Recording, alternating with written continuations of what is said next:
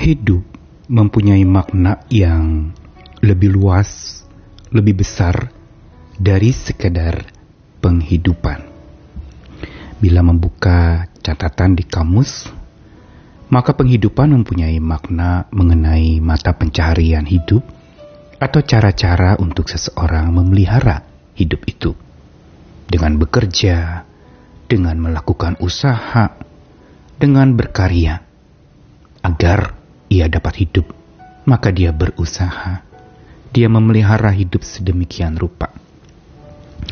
Namun bila hidup memang lebih besar maknanya dari pada penghidupan, mengapa orang hari ini lebih banyak dikhawatirkan oleh penghidupan sehari-harinya?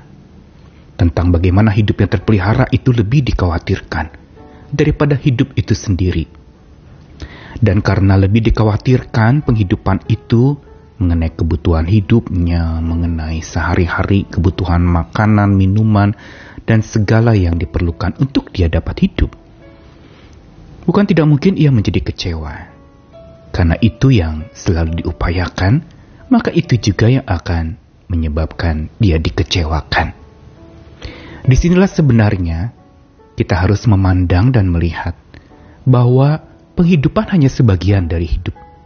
Tidak melulu hidup kita dipenuhi dengan upaya-upaya memelihara kehidupan. Karena kita harusnya memandang kepada pemelihara kehidupan yaitu Tuhan. Dia yang menciptakan kita, dia yang memelihara dan memang pekerjaan pemeliharaan kehidupan itu berasal dari Tuhan kita. Namun bila tetap kita masih mau terus-menerus berpusat kepada penghidupan kita, maka kita harus siap-siap dikecewakan oleh penghidupan.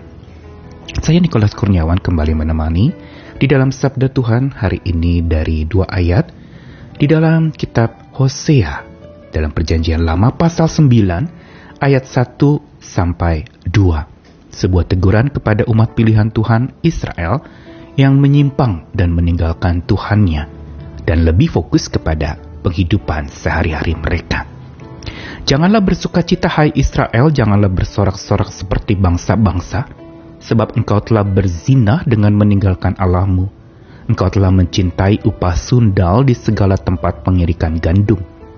Tempat pengirikan gandum dan tempat pemerasan anggur tidak akan memberi mereka makan, dan anggur akan mengecewakan mereka. Teguran keras kepada orang Israel yang menyimpang dan meninggalkan Tuhan sebagai sumber kehidupan dan sebagai yang maha hidup di dalam hidup mereka justru berakibat fatal. Pandangan mereka telah beralih kepada segala sesuatu yang berkenaan dengan pemeliharaan kehidupan dibanding dengan sang pemelihara kehidupan mereka yaitu Tuhan. Karenanya teguran untuk jangan bersuka cita dan jangan bersorak-sorak di tengah-tengah segala kemakmuran yang didapat atau pendapatan yang diperoleh, ini merupakan teguran keras agar mereka bertobat. Karena mereka telah dikatakan meninggalkan Tuhan. Mereka lebih mencintai upah di tempat pengirikan gandum. Upah sundal yang berarti upah yang membuat seseorang menyimpang dari Tuhan sang pemberi upah. Upah sundal yang berarti bahwa seseorang lebih menyukai berkat daripada dekat dengan sang pemberi berkat. Dan di sinilah terjadinya sebuah penyimpangan. Sehingga dengan tegas dikatakan oleh Tuhan kepada orang Israel, bahwa tempat pengirikan gandum dan tempat pemerasan anggur tidak akan memberi makan, tidak akan mengenyangkan. Begitu pula, anggur akan mengecewakan mereka. Perhatikan bagaimana mereka itu lebih kepada melihat kepada tempat pengirikan gandum atau tempat di mana mereka mendapatkan upah. Tempat di mana mereka bekerja itu lebih diutamakan daripada Tuhan yang selalu bekerja dalam segala sesuatu untuk mendatangkan kebaikan bagi mereka. Dan mereka ini di dalam kepercayaan yang sudah menyimpang daripada Tuhan. Justru menganggap bahwa dengan mereka punya pekerjaan, dengan mereka punya tempat untuk menghasilkan upah, pengirikan gandum atau pemerasan anggur, mereka pikir mereka bisa makan dari sana. Mereka pikir mereka akan kenyang oleh itu semua. Tetapi Tuhan dengan tegas mengatakan bahwa itu semua akan mengecewakan. Itu semua tidak akan mengenyangkanmu karena apa yang dapat mengenyangkanmu itu hanya sementara. Dia hanya masuk ke mulut dan maaf akan terbuang begitu saja. Dia akan dinikmati, habis itu akan berlalu begitu saja. Dan tidak ada yang abadi di dalam apa yang didapatkan dari sebuah pekerjaan. Tentu saja ini bukan nasihat untuk kita tidak bekerja.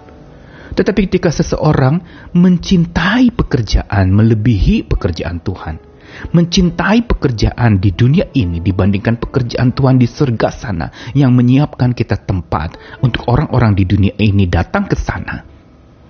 Di situlah sebenarnya terjadi sebuah penyimpangan dan di situlah sebenarnya kita siap-siap untuk dikecewakan oleh segala bentuk pemeliharaan hidup kita.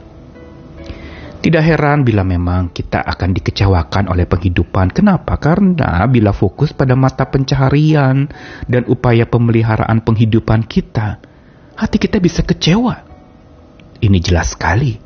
Kalau kita fokusnya hanya kepada bagaimana kita berusaha dan bagaimana kita mendapatkan uang, kita siap-siap kecewa. Karena toh kita pergi menjumpai Tuhan nanti, mati meninggalkan dunia ini tidak akan membawa apa-apa dan di sinilah Tuhan ingin mengajak untuk sebelum kita akan pergi meninggalkan dunia ini dan datang menghadap Sang Maha Hidup dan Sang Pemelihara Hidup itu, mata kita perlu fokus untuk mencari Dia. Dibandingkan mata pencarian ada yang lebih penting yaitu mata yang fokus mencari Dia. Dibanding segala upaya pemeliharaan penghidupan, yang jauh lebih penting adalah memandang kepada Sang Pemelihara kehidupan itu.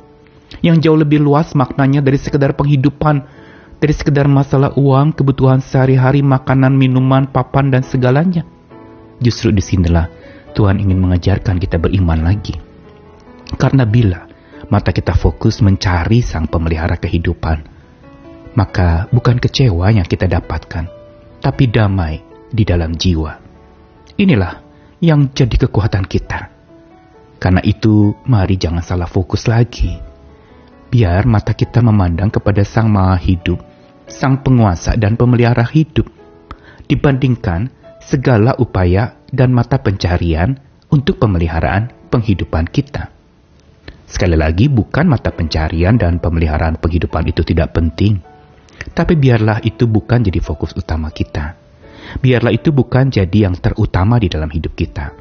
Tetap harusnya hidup kita terutamanya dan fokusnya adalah kepada Sang Pemelihara kehidupan biar mata yang memandang kepadanya, mata itu pulanya akan membawa damai dalam jiwa. Ganti kecewa itu dengan damai dalam jiwa. Karena di situlah letak sebuah sukacita sejati yang tidak pernah akan punah karena kita dekat dengan sang pemelihara kehidupan kita.